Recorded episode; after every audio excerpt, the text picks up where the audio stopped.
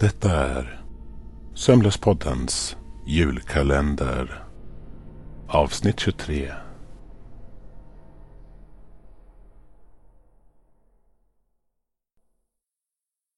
Shona, Katrin, Gertrud och Mustafa stod nu på ett öde gärde täckt av skog där Mårdgårdens herrgård en gång varit.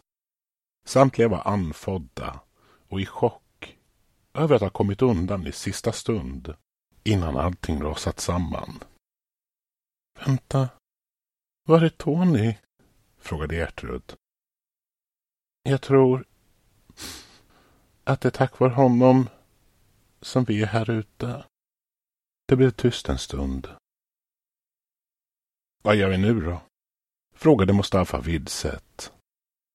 Jag tror vi tar oss in mot stan, sa Shona. De började promenera på den smala bilvägen. Då och då kom en bil förbi och tutade och ville att de skulle gå av vägen.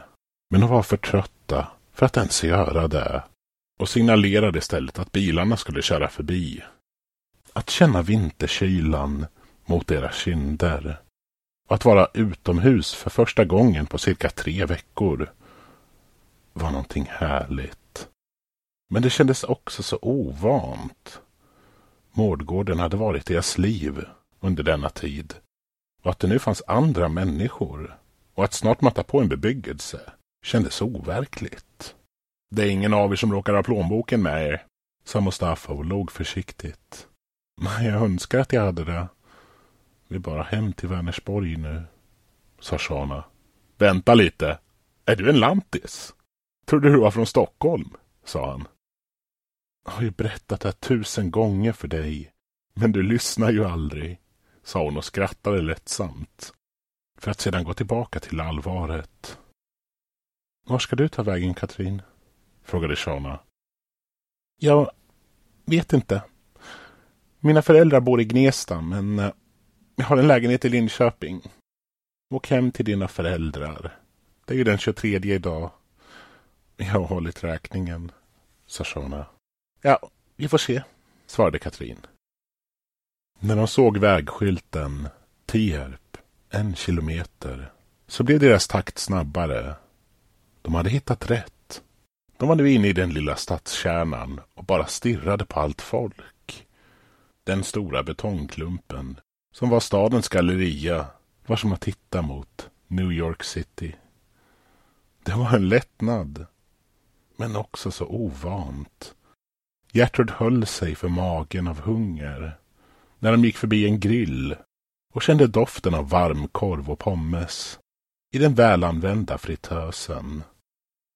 En tonårsflicka rusade fram till dem som om hon just sett ett par kändisar. Ja men gud, det är ju ni! sa hon med vidöppna ögon. Eh, ja, det är vi, sa Katrin förvirrat. Alla trodde ni var döda eller kidnappade. Kvicksands-Bonnie sitter ju häktad just nu, för alla trodde att hon hade någonting med det att göra. Alltså med ett försvinnande. Det var inte alls så det gick till, sa Mustafa. Ja, men då måste ni ju berätta det, sa tonårstjejen. Det går nog inte.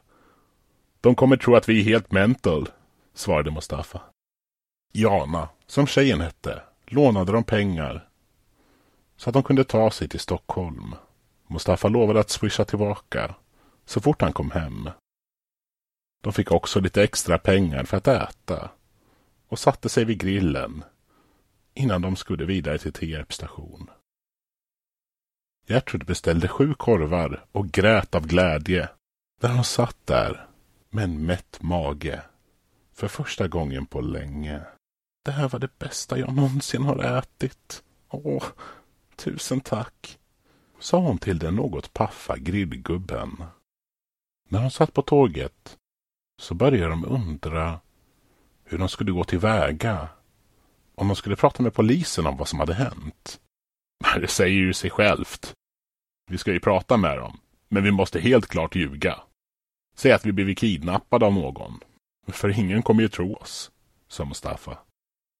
Vi har ju alla samma historia. Samma upplevelser. Om vi hittar på någonting så kommer det ju inte gå ihop om vi blir förhörda av polisen. Jag tror personligen det är bäst att vi håller oss till vad som egentligen hände, sa Shona. De kommer ju låsa in oss, sa Mustafa. Jag tror inte det. Någon måste ju minnas Benjamin. Han måste ju haft vänner i Tierp. Någon måste ju ha sett Mårdgården någon gång. Jag tänker berätta allt, sa Shona. ”Ja men”, sa Gertrud. Då måste väl jag det med, antar jag. Men ska vi verkligen ta med den där delen om varulvar? Vi tar med allt, sa Shona. Det blev som en kulturkrock att komma till Stockholm central. De visste först inte var de skulle gå, utan bara stod där vid tågstationen ett tag och stirrade på folk som rusade fram och tillbaka. Alla med ett mål i den hektiska jultakten. Åh nej, jag har inte ens köpt present till Hailey, sa Shana sorgset. Jag tror det är lugnt, sa Mustafa. Så länge du kommer hem till julafton så blir det ju världens bästa överraskning för henne. Shana log försiktigt och kramade om Mustafa. De gick i samlad tropp till polisen och tog en kölapp. Inom kort blev de alla inkallade till förhör. En och en. Polisen lyssnade och antecknade. Och de alla samlades i ett rum. När förhören var färdiga. Vi vill först och främst säga hur underbart det är att ni alla är tillbaka. Era familjer har varit fruktansvärt oroliga. När det kommer till historien om Mårdgården så är det svårt att tro. Jag sa ju det, sa Mustafa och muttrade. För det har aldrig funnits någon herrgård vid namn Mårdgården. Någonting som Kvicksandsponny själv har varit fullt övertygad om. Men vi kan inte hitta någon information om den. Och den där Benjamin. Ursäkta att det tog lite tid. Men vi var tvungna att eh, ringa runt lite och titta igenom gamla obduktioner från den tiden som han möjligtvis kunde ha gått bort. Det finns ingen information om detta heller. Men vad som förvånar och oroar mig är hur lika era historier har varit. Och de känns heller inte inövade. Flera olika ordval har använts för att beskriva Jan-Emil. Hur ni lämnade era kroppar. Men en sak kan vi fastställa. Vi kommer ta oss en ordentlig titt på om Kvicksandsponny verkligen hade någonting med det här att göra. Det kommer ske nya förhör med henne. Och era vittnesmål har verkligen hjälpt henne. Trots att de har varit fruktansvärt förvirrande.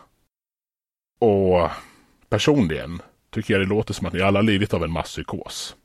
Tro mig, det känns så för oss också, sa Mustafa. Kan vi få åka hem nu? Frågade Shana bedjande. Ja, ja det ska gå bra. Men jag tar gärna era personuppgifter och telefonnummer om vi skulle behöva nå er igen. Vi får komma hem, sa Gertrud.